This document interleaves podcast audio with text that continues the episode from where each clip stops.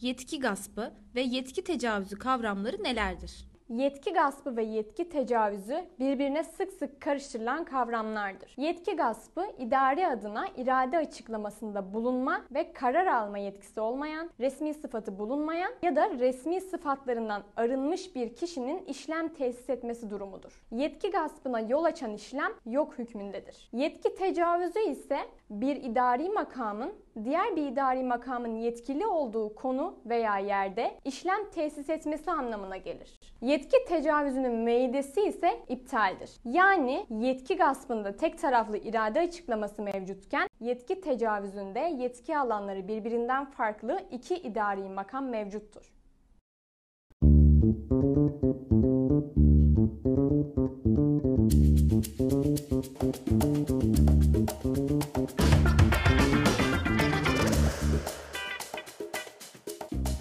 Thank you.